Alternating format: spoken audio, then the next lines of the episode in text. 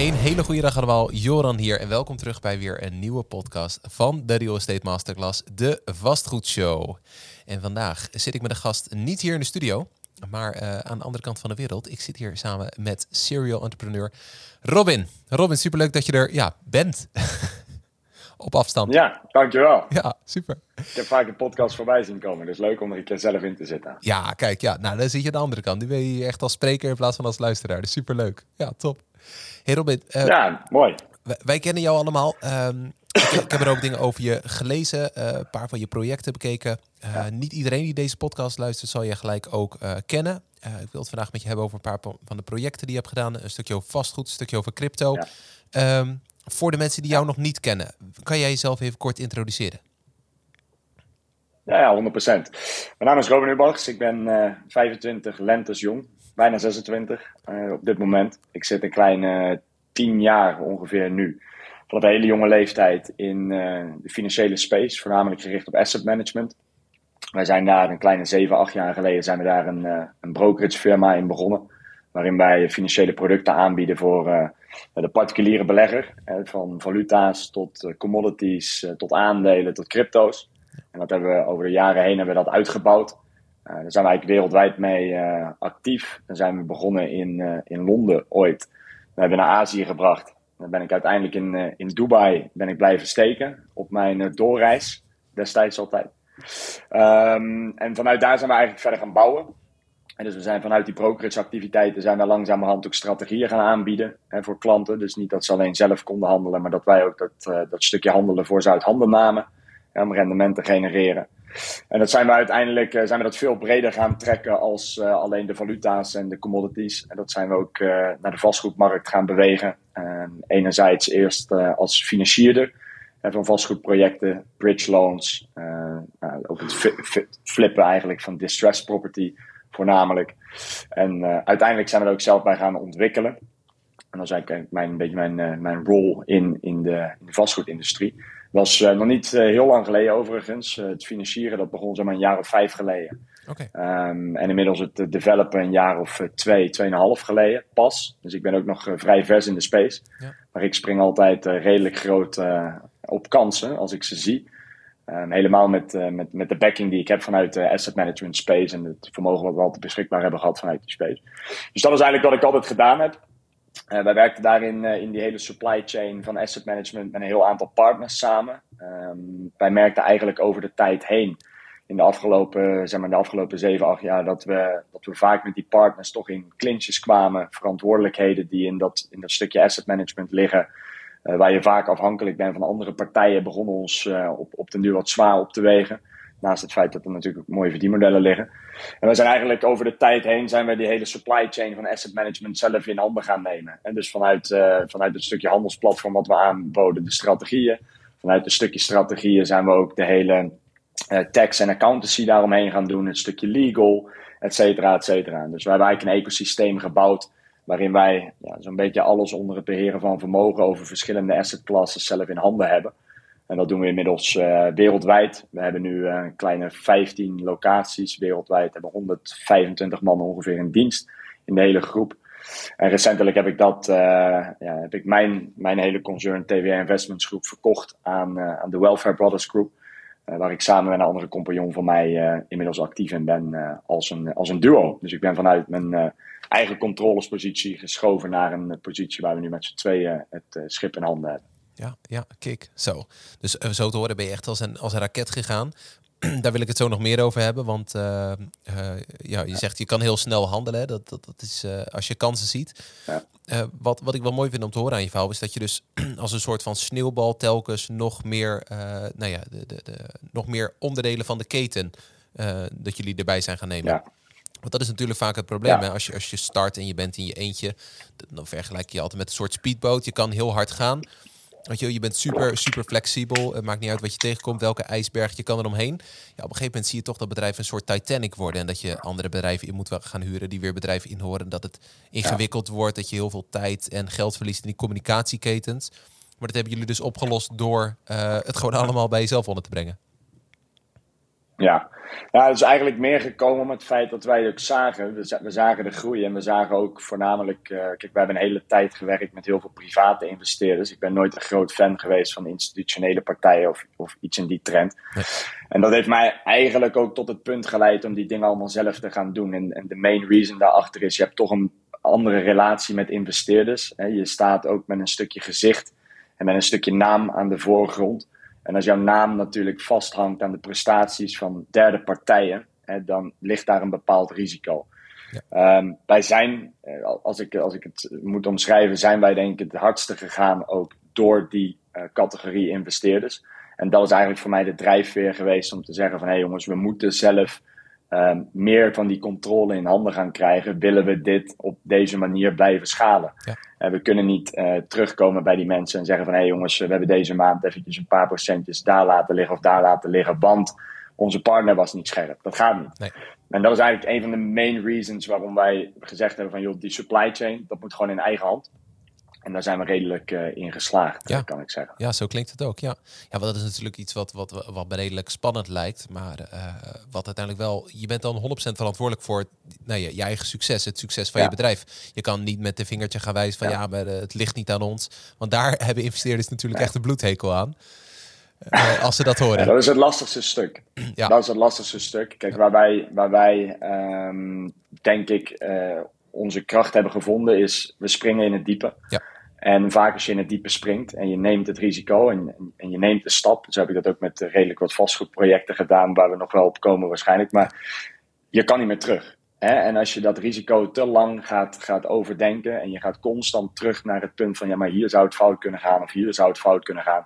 Ja, dan ga je in mijn optiek nooit een, een, een, vorm van groei bereiken. En dat maakt niet uit of het nu is met, met een supply chain van asset management of dat het is met het starten van, van, van je eerste investering of de aankoop van je eerste pand of wat dan ook. Ik denk dat je hedendaags dat voornamelijk ziet als een van de, van de major obstacles voor mensen om te groeien in, in alles wat ze doen.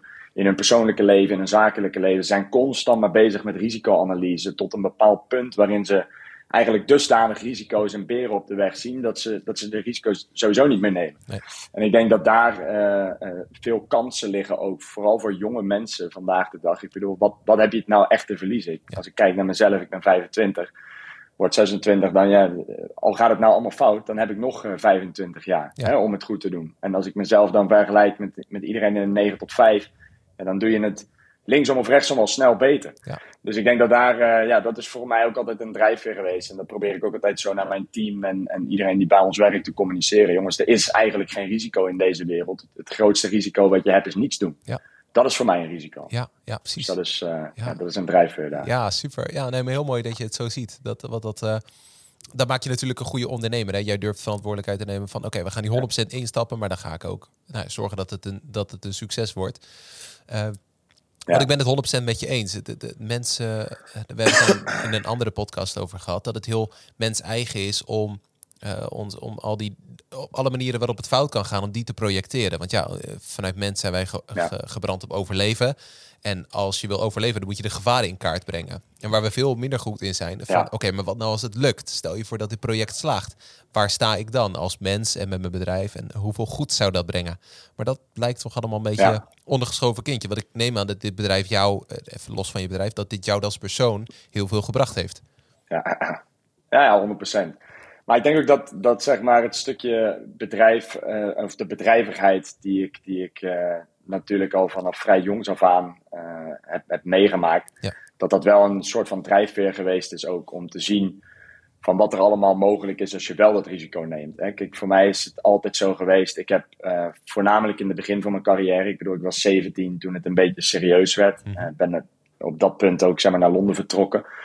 Uh, daar ook eens een tijdje voor goed gezeten. Ehm, kijk, ik heb altijd mijn leeftijd tegen gehad. En vooral in de financiële space ben je als 17, 18-jarig uh, ja, iemand, ben je niks. Je, je komt aan tafel en je hebt niks. Je hebt geen, je hebt geen track record, je hebt geen uh, credibility.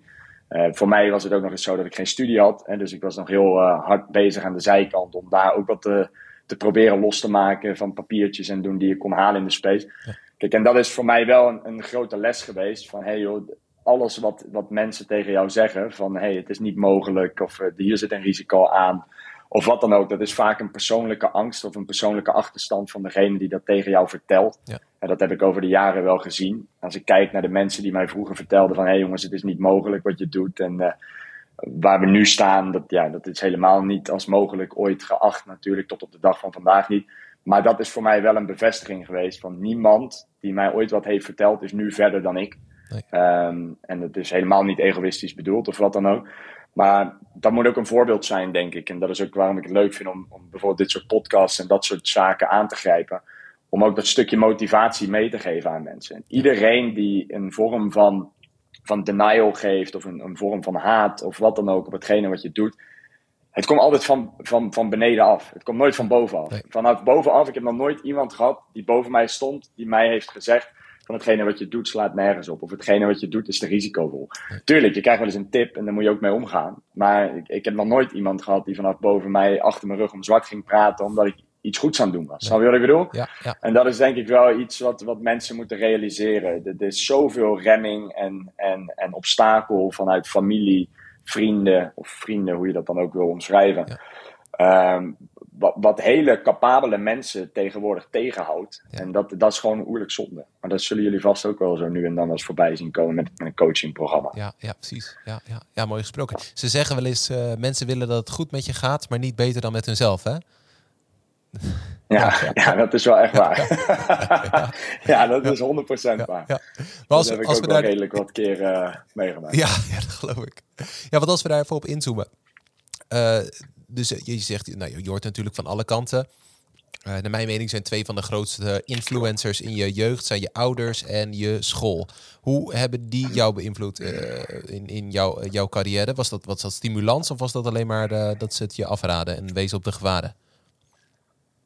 Nou ja, school heeft, school heeft mij eigenlijk nooit gestimuleerd. ik bedoel, ik had, ik had al op een hele jonge leeftijd uiteraard deze, deze aanknopingspunten zeg maar, uit mijn carrière die ik net noemde. Ja ik begon vrij jong, 15 was ik toen ik begon spelende wijs met dit verhaal. Nou ja, toen werd het na twee jaar een keer wat serieuzer. Um, en na 2,5 jaar had ik eigenlijk een dusdanig zeker plan in mijn hoofd dat ik daar naar de UK toe wou vertrekken. Dat ik ja, op school dat ook heel uh, duidelijk liet spreken. Ja. Ik ben daar ook, uh, ik ben daar ook altijd heel, uh, heel open over geweest. En dat werd me altijd de strengste afgeraden als ik even kijk naar school. Okay.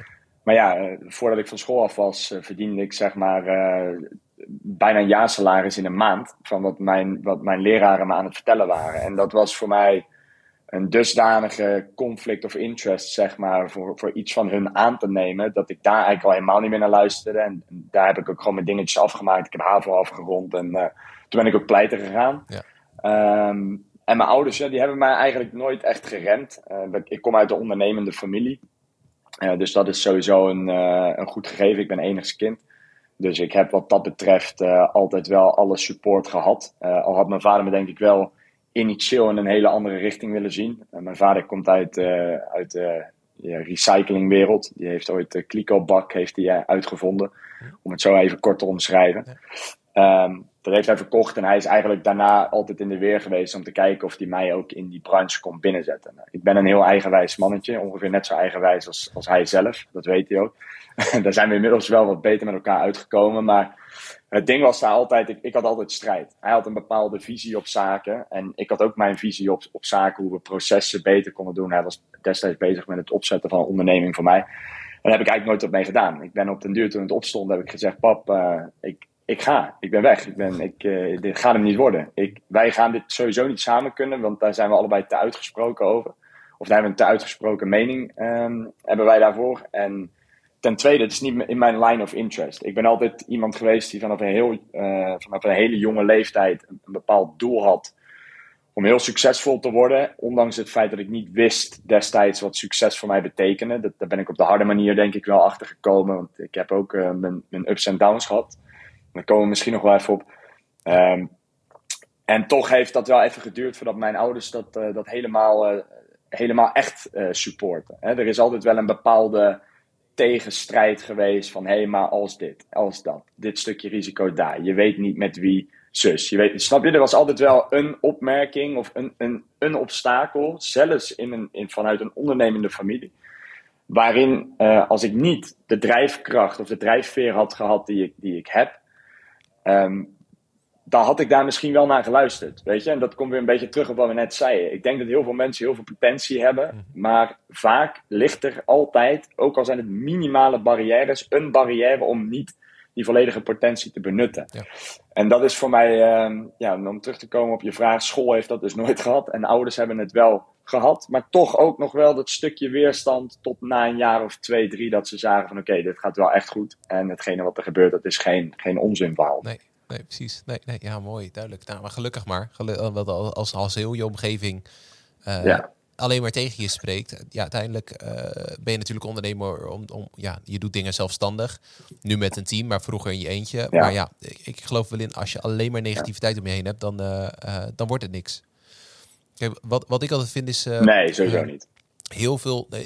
Uh, uit onderzoek van de Kamer van Koophandel blijkt dat 1 miljoen Nederlanders die zijn in bepaalde mate ondernemer.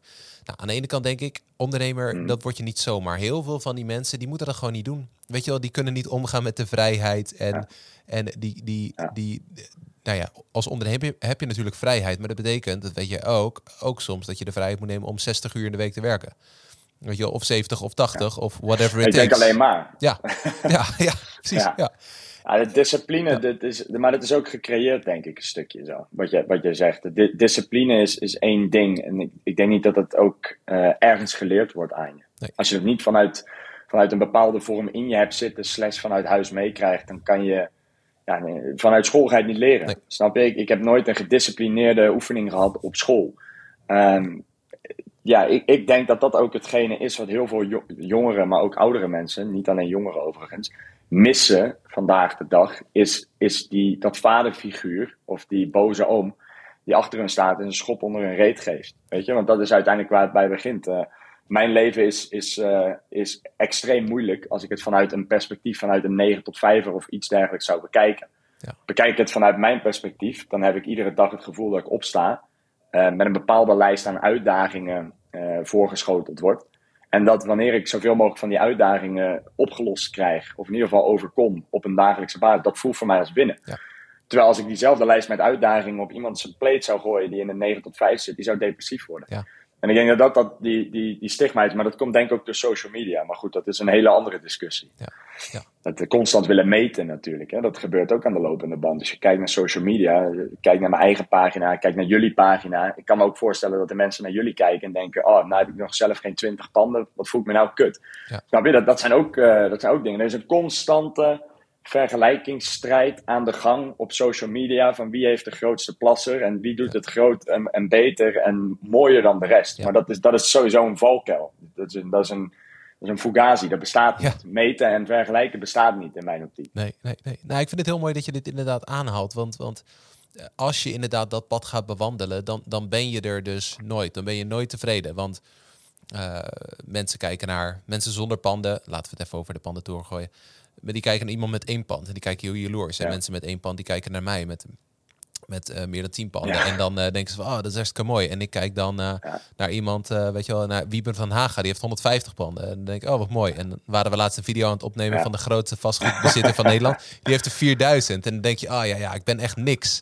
Maar als je in die valkuil trapt, wat jij zegt, dan, dan word je ook depressief. Denk je? Ja. Ja. Nou, ik denk ook dat het Kijk, de ene, de ene doelstelling achter een bepaald nummer is, is niet de andere doelstelling. Ik heb bijvoorbeeld, uh, ik heb bijvoorbeeld hele brede doelstellingen wanneer het komt tot, tot network en tot, uh, tot vermogen. Maar de betekenis achter dat vermogen, dat kan heel anders zijn dan, dan, dan dat jij misschien uh, een, een bepaald doel voor jezelf gesteld hebt. En ik denk dat heel veel mensen vandaag de dag, en dat maakt niet uit of dat in persoonlijke sfeer is, of dat het in sfeer is van, van het hebben van een business, panden, maakt niet uit mensen weten niet wat hun eigen doel is. Ze hebben nog nooit en te nimmer gezeten met een echte, echte focus, urenlange focus op hetgene waarom ze bij een bepaald punt terecht willen komen. Waardoor ze dat antwoord gaan zoeken, in mijn optiek, in de journey van een ander. Ja. Dus dat betekent dat jij dus eigenlijk jouw journey gaat zoeken, of jouw doel, jouw, jouw purpose in het leven gaat zoeken bij jou.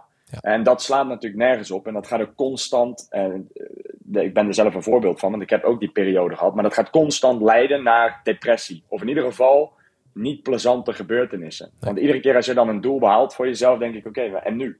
Weet je, dat heb ik ook vaak gehad. Ik had het met heel veel materialistische dingen, met horloges, met auto's, met ja, zo'n beetje alles wat ik tot nu toe heb kunnen kopen. Ja. De, hele weg ernaartoe was altijd leuker dan het hebben daarvan, omdat ik niet wist wat het hebben daarvan nou eigenlijk voor mij betekende.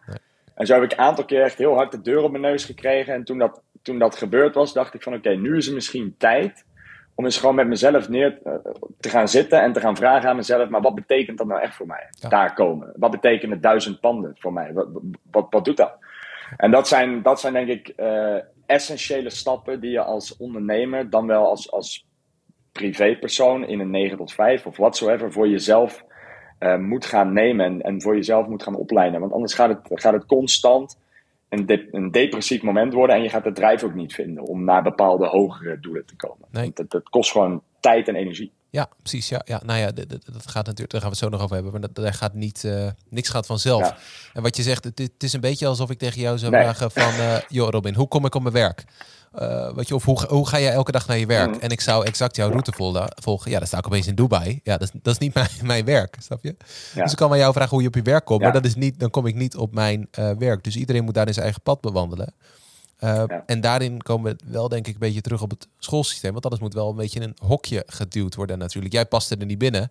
Nou ja, dan bestempelt uh, de school jou als, als fout. Weet je wel, wat je past niet binnen een van die hokjes. Terwijl nou, duidelijk is dat je het beter hebt gedaan dan de meeste van je leraren. En, maar ik denk zelf, uh, tenminste ik, dat, dat um, als jij even teruggaat naar de leeftijd toen je 17 was, dat je dan ook niet de vrijheid voelt om die doelen te stellen. Hè? Want ja, die worden ons allemaal al gegeven. Sowieso niet, nee. klopt klopt. Dus, uh, dat is ook een probleem, denk ik. Maar dat is wel iets wat, je, wat, wat wij natuurlijk als zijnde uh, mensen met een publiek. Hè, want dat, zo, dat zijn zowel jullie als ik denk ook wij zelf. Als uh, een hele berg andere van mijn directe vrienden en kennissen. Ik denk dat, dat dat wel een soort van responsibility is. Die wij nemen ook als zijnde mensen met invloed. Hè, om, dat, om dat verhaal open te breken. En ik denk dat dat iets is wat uiteraard helemaal tegen draads gaat op, op hetgene waarom het schoolsysteem in eerste instantie überhaupt in, in, in deze manier of op deze manier is, is gestructureerd. Maar ik voel wel heel sterk die drang, nu ik dus al op deze leeftijd al die zaken heb kunnen doen en die ervaringen heb kunnen opdoen, om die message ook te delen met mensen. En om te laten zien van het is wel mogelijk. En wat iedereen daarvan vindt, ja, dat zal mij een worst wezen. En dat zou jou ook een worst moeten wezen, zeg maar, als je in die, in die journey zit. Ja. En dat is voor mij, um, ja, dat is voor mij wel iets wat, wat verder gaat dan geld, zeg maar. Ja, ja, en verder gaat dan business, voor mij in ieder geval. Ja, ja ben ik dat is wel interessant. Ja, nou ja, en, en ook over, uh, waar we het net over hadden, over weerstand. Het is natuurlijk een mooie, mooie weg van de minste weerstand. Hè? Als je gewoon de regels volgt die andere mensen voor je opleggen. Sommige mensen gaan er heel goed op. Jij noemde net die 9 tot 5er. Ja. Yo, ik ken honderden 9 tot 5ers die vinden dat fantastisch. Weet je, elke dag dezelfde dag uh, koffiepauze, elke dag dezelfde dag, uh, dezelfde tijd uh, naar, naar huis. Je weet je vakantiedagen, je weet wat je aan het eind van de maand verdient. Dat is regelmaat. Ja, is regelmaat. Ja, ja, daar moet je goed op gaan. En jij en ik ook niet, gaan daar gewoon niet, niet goed op. Nee. Nee, nee, Nou, maar dat is een ding, weet je. Maar dat is ook omdat je waarschijnlijk vaak nooit breder hebt geproefd dan dat. En dat is ook weer dat stukje risico. Dat is het stukje eh, 9 tot 5. Gaat om 6 uur achter de tv zitten. Wordt dan vervolgens 5 uur lang geïndoctrineerd daar met van allerlei waarheden of onwaarheden. Daar gaan we de discussie niet eens over openbreken. Um, maar dat 50 jaar lang, of 30 jaar lang, of 10 jaar lang is dodelijk. Ik kijk al denk vanaf dat ik 15 ben geen tv meer. Bijvoorbeeld. Dat is een, dat is een uh, nee, dat is, een, dat is een, iets waar ik heel erg op tegen ben geraakt. Uh, ik heb toevallig mijn ouders, die komen hier wel eens langs.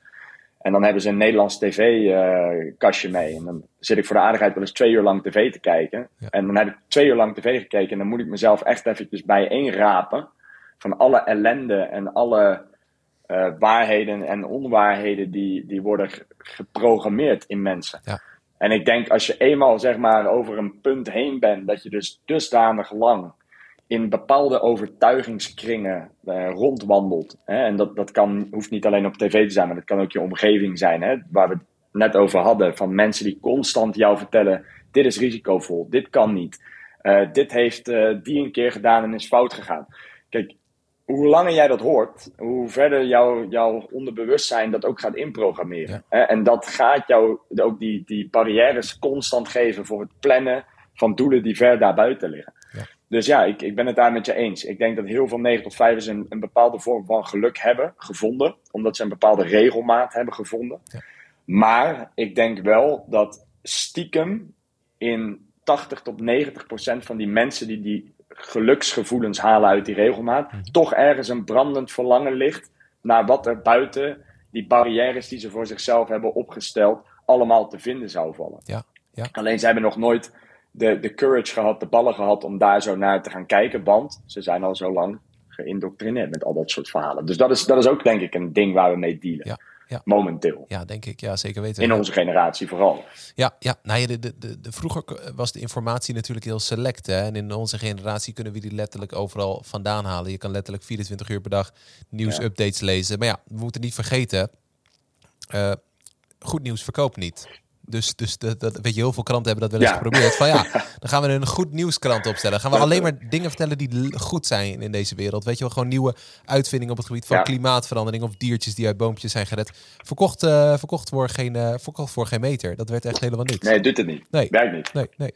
Sensatie is, is waar we op draaien. Maar dat is natuurlijk al uh, ja, honderden jaren zo. Ja. Ik bedoel, boring news is boring news. Ja, simpel. Ja, ik met je eens. Ja, en hetzelfde met marketing. Alles, uh, alle, in principe is er geen slechte vorm van publiciteit, zeg ik altijd. Ik heb nog nooit, uh, ik heb nog nooit zeg, iedereen die, die groot geworden is, als je dus echt kijkt naar miljardairs op deze wereld, et cetera. Veel mensen hebben echt een hele grote groei gehad door slecht nieuws. Ja.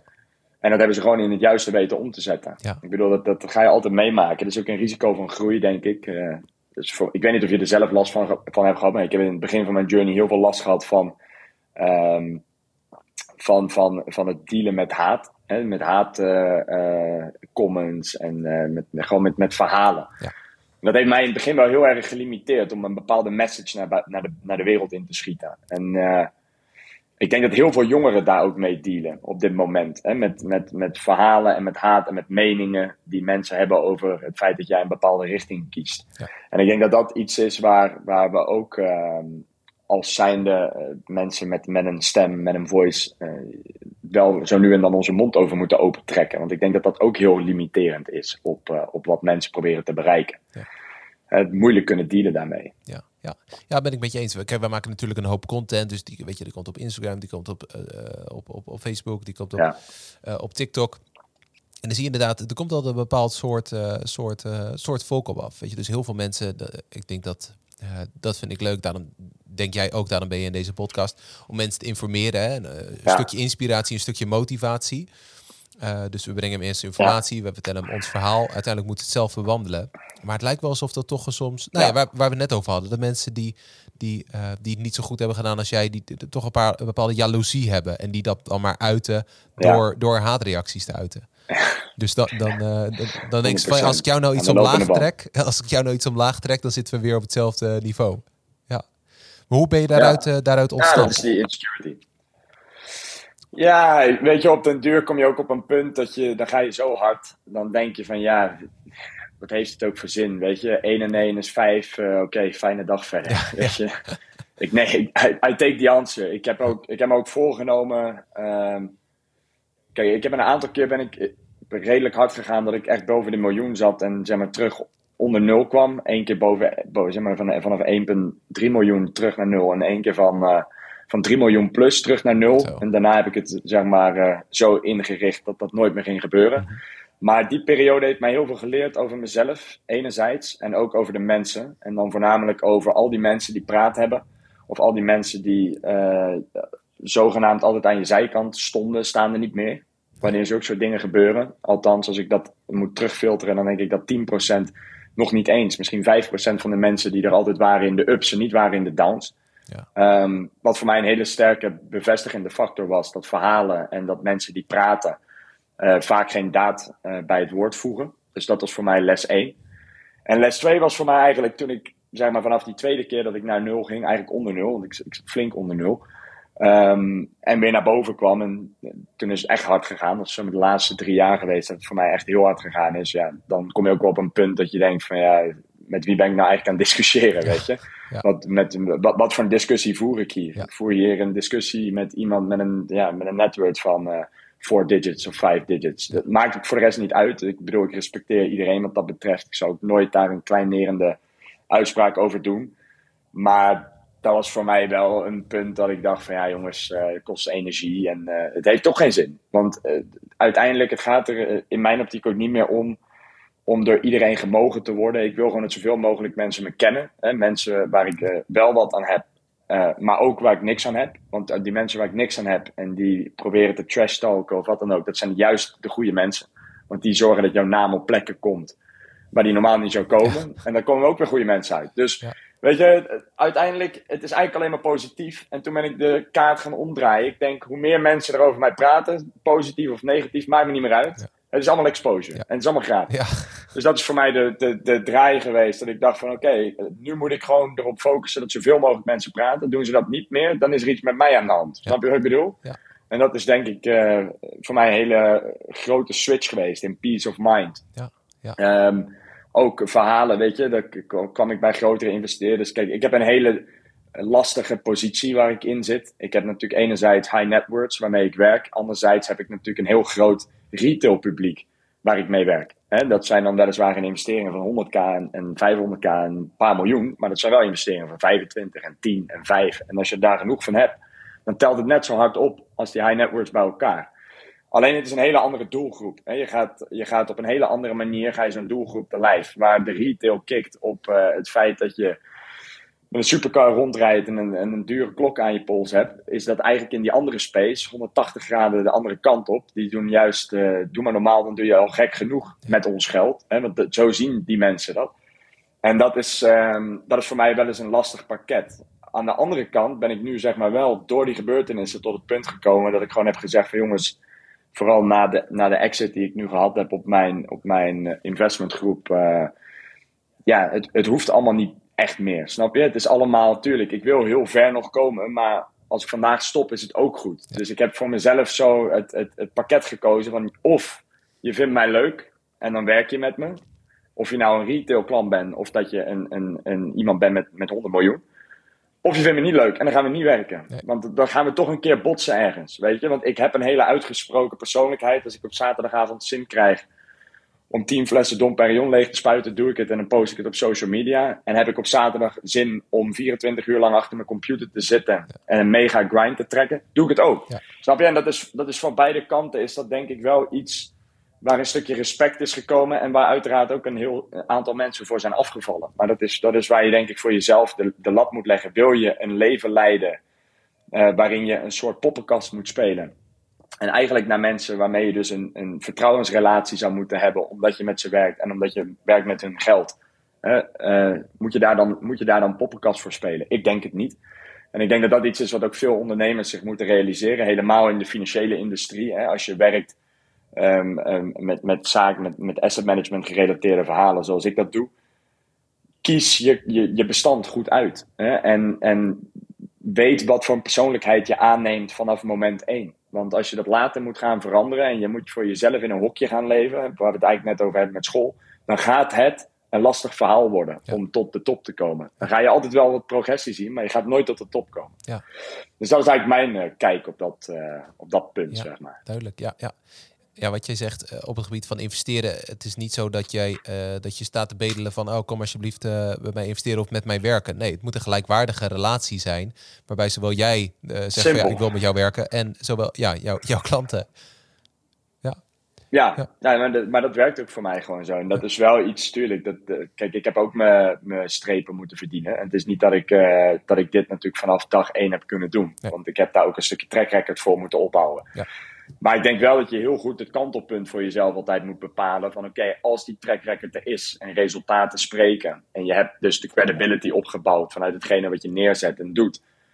Ja, moet je dan, moet je dan in, een, in, een, in, een, in een toneelstuk willen leven voor jezelf, weet je? En dat is, uh, ja, dat is, dat is het voor mij nooit waard geweest. Nee. En ik, ik denk dat, dat, mens, dat, dat, dat mensen heel goed voor zichzelf ook over moeten nadenken. Tuurlijk, je moet niet... Uh, als je de eerste 100.000 binnen hebt, uh, morgen natuurlijk uh, tralala op de Instagram staan. Maar kijk, als je natuurlijk op den duur een bepaald nummer hit, ja, dan mag je ook wel eens een keer uh, wat lol hebben. En als niemand eronder leidt, dan vind ik dat daar geen, geen obstructions moeten zijn. Nee. Maar ik merk wel dat dat vaak het geval is. Ja, Dus dat is wel interessant. Hey Joran hier, sorry dat ik je even onderbreek, maar ik wilde dit even aan je vertellen. Zoals je weet zijn we natuurlijk keihard bezig met het maken van goede podcast en goede content. En ik wil van jou graag even weten wat je ervan vindt.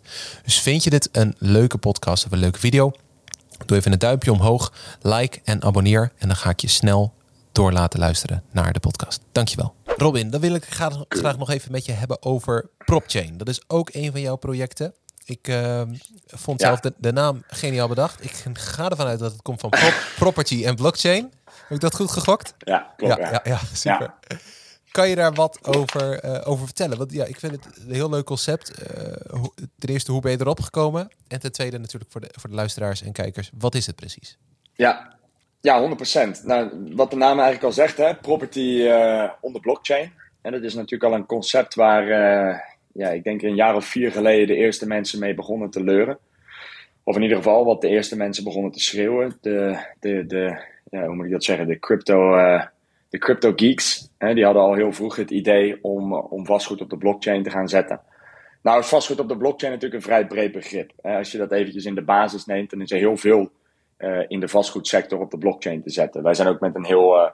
Een hele brede range aan, uh, aan producten bezig uh, met betrekking tot dat onderwerp. Maar om eventjes kort samen te vatten wat PropChain uh, inhoudt in de basis, is dat wij eigenlijk een vastgoedobject splitsen in, in, in 10.000 of 100.000 kleine stukjes van 100 euro. Eventjes zo in de basis genomen. En die vervolgens verwerken in tokens. Hè, dus ieder, ieder vastgoedobject krijgt een, een, een set aan tokens. En waardoor je eigenlijk een stukje inkomensrecht van dat vastgoedobject kan kopen op de blockchain. Nou, dat is in de basis een vrij uh, simpel concept als je erover nadenkt. Er zijn natuurlijk voorbeelden die ook uh, zeg maar in, de, in de traditionele space al hierop lijken. Je had uh, destijds je timeshares. En zo zijn er nog wel een aantal zaken die, die, die in de gefractionaliseerde vastgoedspace hebben getapt. Want dat is eigenlijk wat het is. Um, en in de blockchain-industrie denk ik dat er een hele berg mensen waren die hierin hebben geprobeerd te tappen. Hetgene wat daar eigenlijk altijd fout ging, was dat ze een van de basiselementen misten. Je hebt namelijk een aantal dingen nodig als je dit wil doen. Dat is enerzijds vastgoed. Dat is wel heel handig als je dat hebt, want anders wordt het lastig om vastgoed te tokeniseren. Ja. Zo logisch als dat klinkt, zijn toch 9 van de 10 concepten die dit geprobeerd hebben, daarop nat gegaan. Hè, dat ze niet het vastgoed hadden. Twee is dat je een flinke dosis kennis moet hebben van regulering mensen denken, is, is, is de crypto space, uh, dat is allemaal ongereguleerd. Dat is niet helemaal waar. Hè? Hetgene wat wij doen en aanbieden zijn in principe gewoon securities. Het feit dat wij daar een token omheen hebben gemaakt, dat is eigenlijk een verpakking. Als, ik de, als ik het blockchain element weghaal en een frontend en een backend bouw, dan kan ik jou ook een stukje vastgoed verkopen en je dat laten zien. Dus daar maken mensen ook vaak nogal de, de vergissing in. Maar een, een, een token, een stukje vastgoed token, is in principe gewoon een security. Dus dat houdt in dat je een, een, een, een framework moet hebben, een gereguleerd framework, waardoor je wereldwijd die securities mag verkopen. Nou, dat hebben wij uh, in eerste instantie alleen voor Europa opgezet. Daar kom ik zo even op terug. Maar het concept is dus eigenlijk heel simpel. Wij zitten dus een jaar of vier zitten al te kijken in die, in die blockchain space. We zijn ook, uh, voor de mensen die dat niet weten, redelijk grote investeerders in deze space. We hebben een aantal zaken daarin ook gedaan, advies gegeven, project gebouwd. Uh, PropChain, uh, zeg maar een jaar of twee geleden gestart. En wij hebben eigenlijk vier jaar geleden zagen we, zoals ik al zei, die eerste spelers komen. Nou, hebben we er heel veel van nat zijn, van zien gaan. toen destijds nog niet heel significant in het vastgoed. Hè, dus we hadden toen nog niet echt dat element van vastgoed achter ons staan. Maar dat hadden we twee jaar geleden wel. En toen dachten we van, hé hey, joh, weet je wat? Uh, dit heeft nou, er is nog geen industry leader hè, om getokeniseerd vastgoed aan te bieden. Laten we dit zelf gaan doen. En zo zijn we dat eigenlijk begonnen. En de visie daarachter was eigenlijk heel simpel. Um, enerzijds natuurlijk, uh, en da daar begin ik gewoon mee voor onszelf. wij, zijn, uh, wij zijn altijd op zoek naar kapitaal waar we kunnen schakelen. En um, ik weet uit ervaring uh, dat er gewoon veel te halen valt in de retail space. En er is heel veel kapitaal van mensen met 5000 euro en 1000 euro en 500 euro die gewoon niet weten waar ze moeten beginnen. Sterker nog, er zijn ook doorgaans geen opportunities voor die mensen om te beginnen. Uh, en om, een, om een, een, vermogen op te bouwen in de vastgoedindustrie. En anderzijds is dat ook gelijk het tweede punt voor mij, de tweede drijfveer waarom ik dit wou, wou bouwen. Ik denk dat er een, een, een ontiegelijke, oneerlijke strijd aan de gang is. Wanneer het komt op uh, het, het, het, het hedgen van jezelf tegen inflatie bijvoorbeeld. Hè, door middel van vastgoed. Maar ook de vastgoedspace zelf, die natuurlijk zo'n beetje helemaal uitgeknepen is. Vooral in Europese markten. Um, en dit was voor mij eigenlijk een, een tool die ik zou kunnen aanbieden aan de mensheid. Om voor zichzelf wat op te gaan bouwen. Enerzijds een stukje bescherming tegen inflatie op spaarrekeningen, et cetera. En de negatieve rentes zelfs, die er natuurlijk eh, bij de bank al uh, op, sommige plekken doorheen zijn gedrukt. Uh, en anderzijds ook om een stuk vermogen op te bouwen voor de lange termijn. En om die mensen ook toegang te geven tot deals waar ze eigenlijk normaal geen toegang tot zouden krijgen. Ga je kijken in, in, in Nederland, laten we Nederland even als voorbeeld nemen. Ja, dan is het momenteel vrij moeilijk om even een goed pand op de kop te tikken. Helemaal met, met de bedragen die wij natuurlijk noemen van 100 euro en 500 en 1000 en 5000. Dan gaat het sowieso niet lukken. Maar al heb je wat geld bij elkaar, dan is het nog heel moeilijk hedendaags. Nou, wij hebben vanuit onszelf, dan weliswaar niet vanuit PropChain, maar vanuit onze ontwikkelings- en vastgoedtak binnen onze, binnen onze groep, zeg maar, hebben wij um, goede dealflow dus we hebben dealflow op distressed property. We hebben dealflow op natuurlijk developments die we zelf doen. Uh, pre-listing opportunities van developments die klaar zijn. Hè, waar nog een stuk marge tussen zit. Waar, waarbij onze liquiditeit eigenlijk wel uit willen halen als ontwikkelaar zijnde. Um, we hebben in principe ook veel residential wat we aangeboden krijgen. Dus voor ons was het eigenlijk een, een 1 en 1 is 2 verhaal. Hè, als wij zeg maar, het stuk dealflow wat we hebben gaan combineren met een hele nieuwe uh, industrie eigenlijk. Hè? Een hele nieuwe visvijver aan, aan geld. Dan kunnen we nog wel eens een heel mooi product bouwen. Nou, dat was eigenlijk het initiële idee. Daar zijn we over de, over de laatste twee jaar dan ook wel weer, weer een ons kennende een heel stuk mee uitgebreid. Veel verder dan dat idee alleen. Uh, want we zagen veel meer opportunity. we, zien, uh, we zien ook dat die crypto space natuurlijk langzamerhand serieuzer aan het worden is. Uh, eigenlijk de enige drijfveer voor ons. Hè, want als ik zeg maar even moet kijken naar onze audience die dit, die dit product moet gaan gebruiken, dan denk ik dat de crypto space maar 30% is. We zijn echt gefocust op retail investeerders. Je kan het platform ook gewoon gebruiken zonder dat je enige crypto kennis hebt. Maar eigenlijk de main reason waarom we die crypto uh, angle er aangehangen hebben, is enerzijds omdat er geen marktleider is in die space. Er is nog geen marktleider met, met getokeniseerd vastgoed.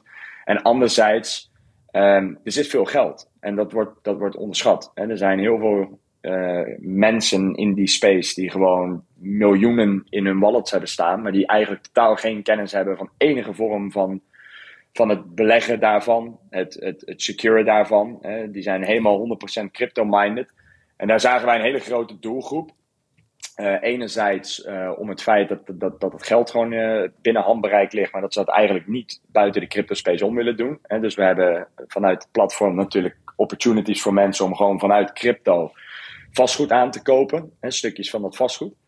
Um, en anderzijds zagen we daar ook veel mogelijkheden in um, of, in transacties, in vastgoedtransacties. Hè, wat je nu veel ziet, er zijn best wel wat crypto-jongens en, en, en, en meiden ook. En ook mannen en vrouwen, maar voornamelijk jongere mensen. Die best wel een huis zouden willen aankopen, maar die geen hypotheek krijgen. Hè, omdat ze in crypto zitten. Ze hebben geen salaris, ze hebben geen inkomsten. Of ze kunnen het huis cash betalen zonder enige vorm van lening, maar ze krijgen het gewoon niet betaald, omdat de bank hun rekening blokkeert. Hè, als de, als de, de, de, de crypto-inkomsten worden gestort. En daar zagen wij ook opportunity. Dus we zijn toen eh, verder gaan kijken dan onze neus lang was. We zijn gaan kijken hoe kunnen we ook die problemen oplossen. Even voor de gebruikerszijde. Nou, dan zijn we een klein uh, half jaar geleden zijn we er uh, uitgekomen met betrekking tot een, uh, een e-banking license, waarin we volledig crypto-minded mogen zijn. Dus dat is ook een, een follow-up product van, van PropChain. Hè. Dus naast het feit dat je bij ons een stukje vastgoed kan kopen, waar je dus rendement kan uithalen en, en natuurlijk ook de equity upside van kan pakken kan je daarnaast ook um, um, al je bankzaken gaan regelen bij PropChain. Helemaal crypto-minded. En die ook uh, toe laten passen op uh, vastgoed aankopen. Hè, dus grote vastgoed aankopen die bijvoorbeeld zonder leningen plaatsvinden. Maar ook, en dat is wel een later follow-up product, bijvoorbeeld gedecentraliseerde hypotheken. Dus waar je niet langer afhankelijk bent van jouw inkomen, maar waar je dus hypotheken kan krijgen op basis van het onderpand, het gedigitaliseerde onderpand. En daar zijn we dus eigenlijk met een heel breed productrange, eh, met een hele brede productrange zijn we daar aan de gang gegaan. Um, we zijn dan in principe nu op een punt gekomen dat we ons hele setup volledig goedgekeurd hebben, regulatorisch, voor de Europese Unie. dus we kunnen zo meteen eind september gaan we live met, met de MVP van het platform, of in ieder geval de app, de telefoon-app. Ehm, waardoor je eigenlijk als een Europese investeerder een stukje vastgoed kan kopen van een van de projecten die wij listen wereldwijd. we hebben daar een hele gediversificeerde portfolio van residentieel tot commercieel tot infra. Um, en ook verspreid over de wereld, van de UK tot Dubai tot in Mexico zijn we ook aan het uh, ontwerpen. We zijn eigenlijk overal bezig en, uh, en dat gaat allemaal op het platform gelist worden in een later stadium. Ja, dus even een korte, korte variant van het verhaal. Ja, ja, ja mooi. Ja, ja, ja, ik vind het heel tof om te horen hoe het is ontstaan. Weet je, de, de, de filosofie erachter. en zo, zo nou ja, ik, ik weet niet hoe vaak ik dat nog moet zeggen. Dus laat ik het in deze podcast nog een keer proberen. Je moet iets met je geld doen, behalve het op de bank laten staan. Ik snap echt niet hoe mensen dat nog Sowieso. kunnen doen. Dat ze elke, elke maand die, die, die, die negatieve rente afgeschreven zien worden. En denken, oh ja, ja, jammer, maar prima. Nee, dat snap ik echt niet. Ja, ja, precies. Ja. Dan verlies ik toch geld. Ja, helaas, helaas wordt de inflatie niet afgeschreven. Anders zouden ze dan, dan zouden ze misschien een keer actie ondernemen. Ja, hè? ja precies. Ja, ja, ja, exact. Ja, ja, want dat is ook gewoon een verkapte vorm een van de redenen. Ja, ja. Maar wat. Uh, dat is ook een van de redenen waarom wij gefocust hebben dan. Ja, ja, mooi.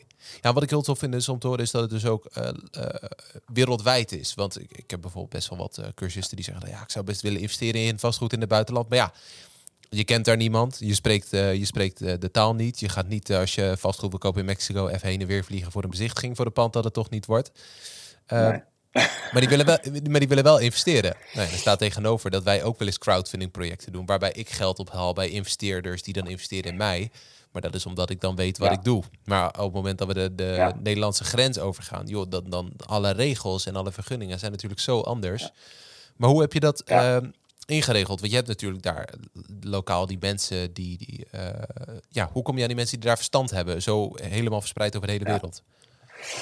Ja, dat is eigenlijk ook weer een lang, ja, een lang, en kort verhaal. Laat ik gewoon dit korte verhaal vertellen. Wij zijn, wij zijn eigenlijk gewoon in al die regio's met onze eigen geld of met onze eigen fondsen. Hè, dus het, het, hetgene wat gewoon echt van ons is, sowieso geen investeerderskapitaal, zijn we gewoon in die markten gesprongen. Hè, dus we zijn, uh, ja, we zijn gewoon de, de, de blindelings ingegaan om te kijken van wat gebeurt er. En dan weliswaar niet op full scale met redelijk manageable sizes.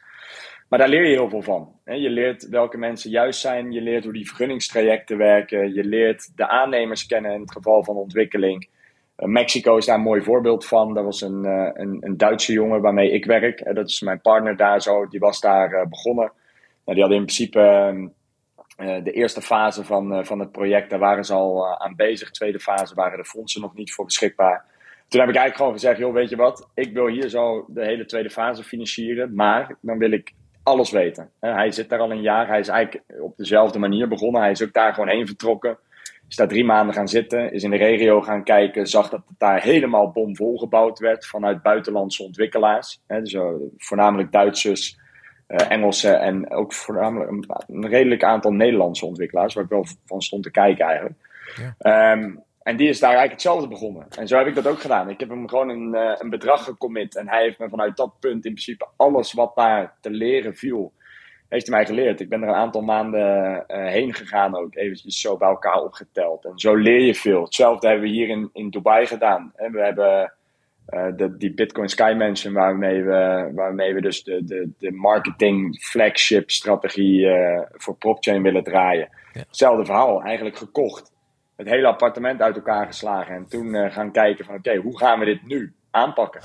En dat was uh, natuurlijk wel significant size. Hè? Dat, dat moet ik er wel bij zeggen. Die, uh, uiteindelijk is Mexico ook vrij significant geworden als testproject. Maar dat geeft weer die bepaalde druk waar ik het eerder over had. Ja, ja. Je, je hebt getekend, je hebt betaald, nu moet je het gaan regelen. En ik had me eigenlijk voor mezelf voorgenomen of ik nou wel of geen geld eraan ga verdienen. Kijk, voor PropChain is het een, een heel mooi marketingproject. Het verhaal wat we hier doen in Dubai. In Mexico, ik zag daar wat daar allemaal uit de grond gestampt werd. Dus ik wist dat als ik het in ieder geval af zou krijgen, dat ik in ieder geval mijn eigen geld terug zou hebben. Nou, dat is uiteindelijk wel heel goed uitgepakt. Maar dat is ook een bepaalde mindset, weet je, hoe ik erin ben gegaan. Nou ja, voor Europa is het voornamelijk netwerk. Hier zo hebben we eh, of, in ieder geval in Europa, ik moet, zeggen, moet niet zeggen hier zo, want ik zit er nu niet, maar in Europa hebben we de mensen. Dus we hebben daar de mensen die in Spanje ontwikkelen. We hebben daar de mensen die in Nederland ontwikkelen. We hebben de mensen die in de United Kingdom ontwikkelen, in Londen, waar ik natuurlijk al een tijdje zit.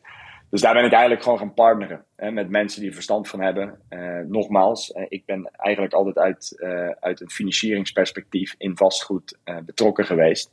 En pas sinds de laatste 2,5 jaar ben ik ook gaan leren voor mezelf. Maar ik heb wel altijd gezorgd dat de juiste mensen de touwtjes in handen hadden. En niet dat ik zo meteen natuurlijk met, me, met, mijn, met mijn mond vol tanden sta. Voornamelijk op projecten waar we met investeerders in zitten. En ga vertellen daar dat ik pas 2,5 jaar vastgoed aan het ontwikkelen ben. Dat staat natuurlijk nergens op. Dus ik heb altijd gezocht naar talent. En, uh, en daar heb ik heel veel van geleerd. Ik leer sowieso heel snel. En dat uh, heeft me nu wel tot een punt gebracht dat ik eigenlijk nu wel in alle regio's waar we bewegen de, de, ja, de, de, kneepjes van het vak ken. En ook de, de zaken die wel en niet kunnen, zeg maar. Ja. Dus dat is voor mij uh, hoe we dat hebben opgebouwd. En um, ja, dat, dat blijft ook zo gaan. Want ik zoek altijd naar, naar nieuwe regio's. En uh, wat je al zegt, vissen in, vissen in dezelfde vijver, die gaat een keer leeg. Ja. Uh, of je vangt slechte vis, die is al vijf keer gevangen, dus die zijn mond is kapot. Ja. En daar moet je vooruit kijken, denk ik. Ja. die nieuwsgierigheid moet je blijven houden. Ja, ja mooi. Ja, ja. ja, en het risico is natuurlijk, uh, wat je zegt, de, je, je hebt die accountability naar jezelf toe. Je legt zelf flinke, flinke druk op, flinke taak op. Het, het, uh, het, ja. uh, het gevaar is natuurlijk, waar, waar veel mensen nu aan denken als ze denken van ja, dit, dit zou ik ook allemaal wel willen. Maar ja, die, die vijver waar iedereen uit vist, dat is tenminste veilig. Weet je, je weet tenminste dat de vis is, ook al zijn ze ja. klein of ook al zijn ze kapot. Um, ja. het, het, het voordeel van, je, van dat je voorop loopt, is natuurlijk dat je als eerste je bestemming bereikt. Uh, als, als er nog mooie kooikarpers in zitten, om het in die metafoor te houden. Ja. het nadeel is natuurlijk dat als je voorop loopt, dat je ook de verkeerde kant op kan lopen, omdat je niemand kan volgen. Ja. Heb, heb je daar zelf wel eens, ben je daar zelf wel eens tegenaan gelopen? Ja, wel. Ik heb ook zo mijn projectjes wel gehad. Het was dan wel meer in de tijd dat we deden financieren, want dan zit je er natuurlijk veel minder kort op. Eh, om het te vergelijken met nu. Nu ben ik overal in betrokken. Ik heb de meetings met de begeleiders, met de projectmanagers met de mensen die ons het vastgoed aandragen. En daar hebben we nou inmiddels natuurlijk een flink team voor zitten die daar de due diligence op doet en de analyses op draait. Maar uh, toen dat nog niet het geval was, ja, dan ga je wel een keer nat. Ik heb daar ook al een aantal uh, verhalen gehad waar ik dan uiteindelijk na jaren wel uitgekomen ben. Hè, dat je vanuit de rechtszaken met het, met het stukje equity afdekking die ik dan had, nog enigszins ongeschonden uit het verhaal komt. Alleen, uh, dat heb ik zeker ook meegemaakt. Maar ik denk ook dat dat zeg maar wel voor mij ook altijd een, een drijfveer is geweest. Ik doe altijd dingen die anderen nog niet hebben gedaan. Of, of slechts op een kleine schaal aan het doen zijn. Uh, mede omdat ik altijd zoek naar hoge marges. En omdat ik daar ook uh, ja, redelijk bekend om sta in, in hetgene wat ik doe. En vanuit asset management perspectief.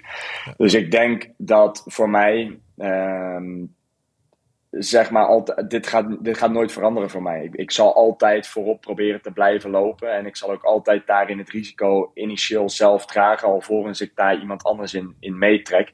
als ik de vijver heb gevonden en hij zit vol, dan pas ga ik, ga ik bellen en ga ik rond, uh, rondvragen. En ik denk ook dat we dat in PropChain mooi hebben afgedekt.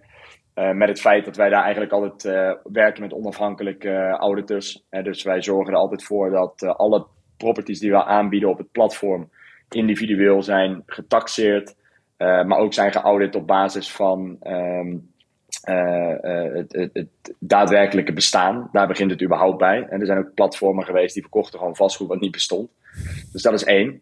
Uh, maar ook de inkomens, et cetera, eruit. Want het start natuurlijk uh, bij het, het, aankopen als investeerder van zo'n stukje vastgoed. Maar dan hoop je ook natuurlijk dat je er wat uit krijgt.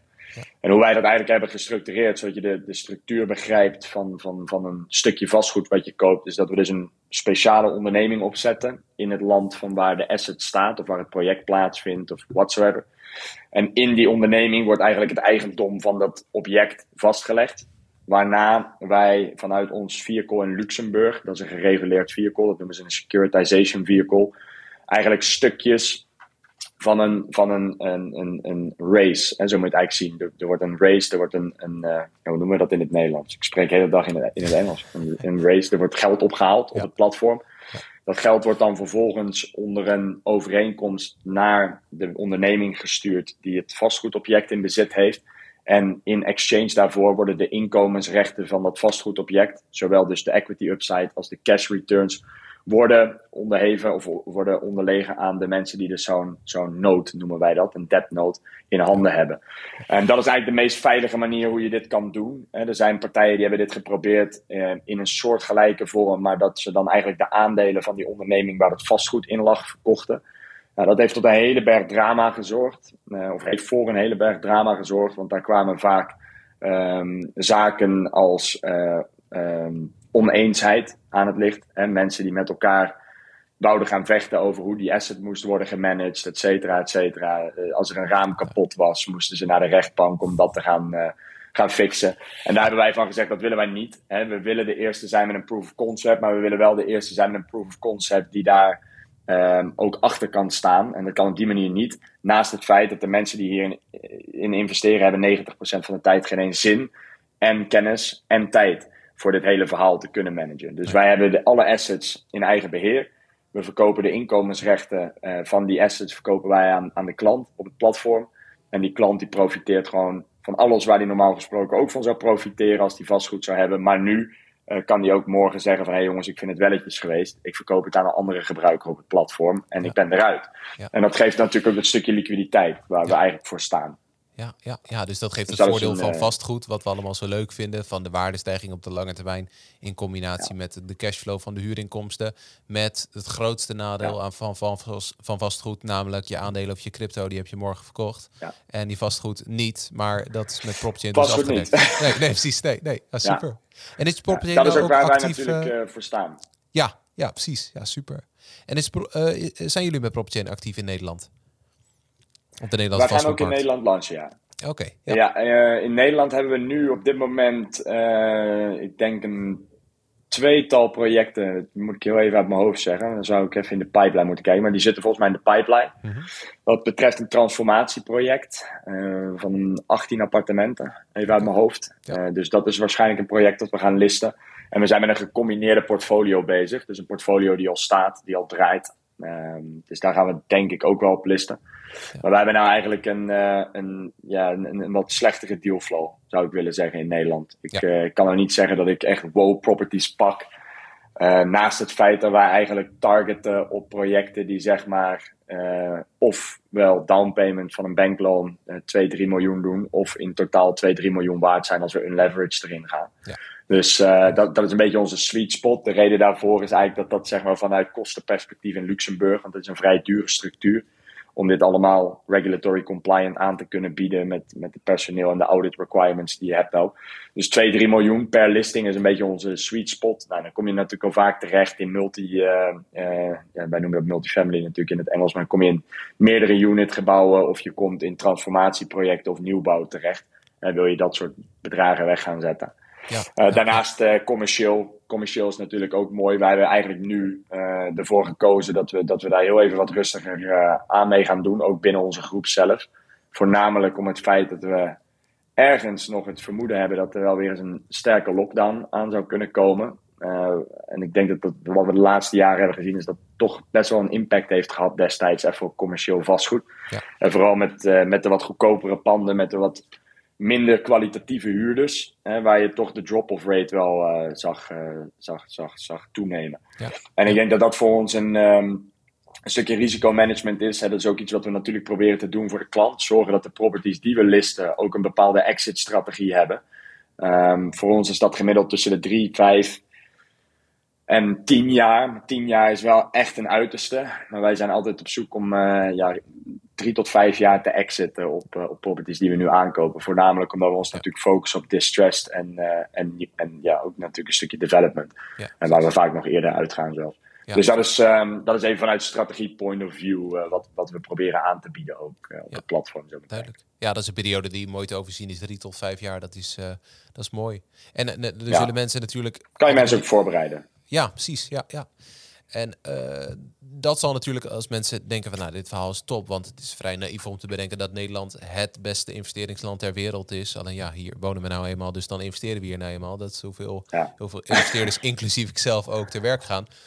Als mensen willen ja. investeren in, in uh, PropChain, wat zijn de rendementen waar ze gemiddeld tegenaan kijken? Verschilt natuurlijk per object, misschien ook wel qua looptijd. Maar wat, wat zien jullie, uh, wat komt er meestal voor? Is wat ik, wat ik zeg. Dus dat is echt heel verschillend uh, per, per hetgene wat we aanbieden. En we hebben ontwikkelingstrajecten waar we, ja, waar we multiple double digits op draaien. We hebben bijvoorbeeld uh, Mexico, waarin we vanaf uh, grond af aan volgens mij 28% aanbieden over 18 maanden. Ja, dat zijn natuurlijk unieke dingen. Ja. Uh, ga je kijken naar de wat langere termijn residentiële properties, zit je gemiddeld tussen de 6 en 8% cash rendement. Uh, moet je ongeveer rekening houden met tussen de 5 en 10% equity upside. Uh, nou zijn er wel wat regio's, moet ik zeggen, waar het iets lager kan zijn, equity-wise. Aan de andere kant, inflatie is nu hoog. Hè, dus het, het, trekt ook wel redelijk wat mee met de inflatie. Als we kijken naar naar appreciation van de, van de value. Maar dat is een beetje het rendement waar wij op targeten. Wij zeggen als wij gemiddeld 10% kunnen behalen, hè, even over alle properties breed, op jaarbasis, uh, cash en, uh, en equity gecombineerd, dan hebben we denk ik een heel stabiel product waar mensen voor de lange termijn, uh, als de liquiditeit in dat product zit, eigenlijk een heel mooi um, parkeervak hebben voor hun geld, voor hun spaargeld, voor het geld waar ze normaal gesproken Ehm, eh, toch altijd een soort van bij willen kunnen. Hè, wat, wat vastgoed vaak onmogelijk maakt. Ja. Dan denk ik dat je ook niet hoeft te zoeken naar veel hogere rendementen dan dat. Eh, helemaal vergelijkend voor de Nederlandse markt is dat denk ik al vrij sterk. Ja. Als je op dat soort rendementen mee kan spelen. Maar goed, er zijn ook opportunities tussen. Ik bedoel, we hebben commerciële deals gedaan. Uh, waar we drie keer over de kop gingen op onze eigen equity. En we zijn in principe altijd zo als we, als we op platform uh, aanbieden dan zit je eigenlijk mee in, in, in, de, in de equity side van het verhaal, hè, dus het eigen geld. Uh, en zit je eigenlijk nooit uh, in, in de overal deal. Want wij gebruiken natuurlijk ook op sommige projecten gewoon uh, bank leverage. En waar we het kunnen krijgen. Weliswaar niet 80, 20 of iets in die regionen. Maar als we 60, 70 procent leverage kunnen krijgen en de deal is goed. Ja. En de deal is distressed bijvoorbeeld. Ja, dan kan het zomaar zijn dat je gewoon twee, drie keer over de kop gaat. Gedurende, de, gedurende de exit strategie periode of de maturity periode. Ja. Dus uh, dat is voor ons heel divers. Ja. Um, ja, het liefst zou ik heel de dag natuurlijk properties aanbieden waar we over de kop gaan, maar dat gaat hem niet zijn. Dus wij zoeken gewoon het stabiele rendement. En dan is het voornamelijk het stukje wealth building, wealth protection en een stukje liquiditeit. Waar we natuurlijk zo meteen onze banking solution uh, erbij gaan aanbieden. Dat mensen eigenlijk hun spaarrekening bij ons weg kunnen zetten. En gelijk kunnen exposen aan, aan, aan gefractionaliseerd vastgoed. Dat is de hele gedachtegang erachter. En ja, als je nu gaat kijken naar hoeveel spaarrekeningen 10% per jaar uitbetalen, dan zijn dat er denk ik 0,0. Ja, dus daar zitten, we, daar zitten we met een vrij uniek product. En dat gaat natuurlijk ook heel breed. Hè? Dat gaat veel breder dan alleen de vastgoedinvesteerder. Dat gaat ook naar de everyday Joe die gewoon een bankrekening wil hebben met een fatsoenlijk rendement. Dus daar, uh, daar proberen we echt op in te zetten. Op die uh, gecentraliseerde spot en het zijn van die gecentraliseerde plaats waar mensen terecht kunnen met hun hele financiële huishouding. En ook met hun hele um, vermogensopbouw. Zo moet ik dat eigenlijk omschrijven. Dat ze ook echt voor zichzelf kunnen bouwen. We hebben verschillende tools zijn we aan het ontwikkelen. Dat mensen aan de hand van een vragenlijst hun lange termijn investeringsdoelen kunnen vastleggen. Dan op de app automatisch meldingen krijgen als ze niet genoeg hebben gealloceerd naar die doelen.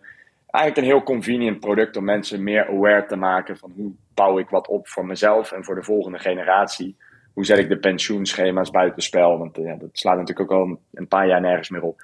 Dus daar, uh, daar zijn we eigenlijk, uh, de, ja, wat ik al zei, dat is onze visie daarmee. Hè? De, ja. een, een, wat, wat gebruiksvriendelijker product creëren daaromtrent. Ja, ja, mooi. Ja, dus dan kom ik gelijk op mijn, mijn laatste vraag voor deze podcast.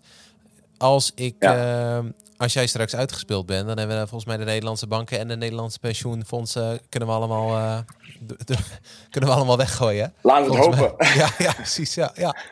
En, en heel toevallig dat, dat je dit opbrengt. Wat mijn laatste vraag was: waar, waar, staan, waar staan jullie over tien jaar? Waar staan jullie over vijf jaar? Nou, laten we tien jaar nemen. Ja. Dan heb je dit ja, dat is een goede bereikt, vraag. Ja, dat is wel het idee. Kijk, uh, linksom of rechtsom moeten we realistisch blijven. Hè. De, de, dit, dit, gaat alleen werken ook als je de dealflow op peil kan houden. Hè. Dus dat is voor ons, zou voor ons uh, even vanuit dat perspectief de enige limiterende factor zijn.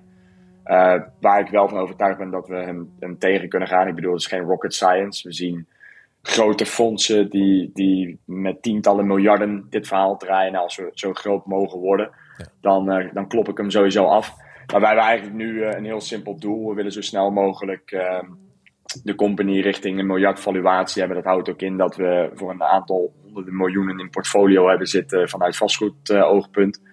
Momenteel is dat denk ik een kleine 60 miljoen euro wat we hebben klaarstaan voor tokenization en het fractionalization principe.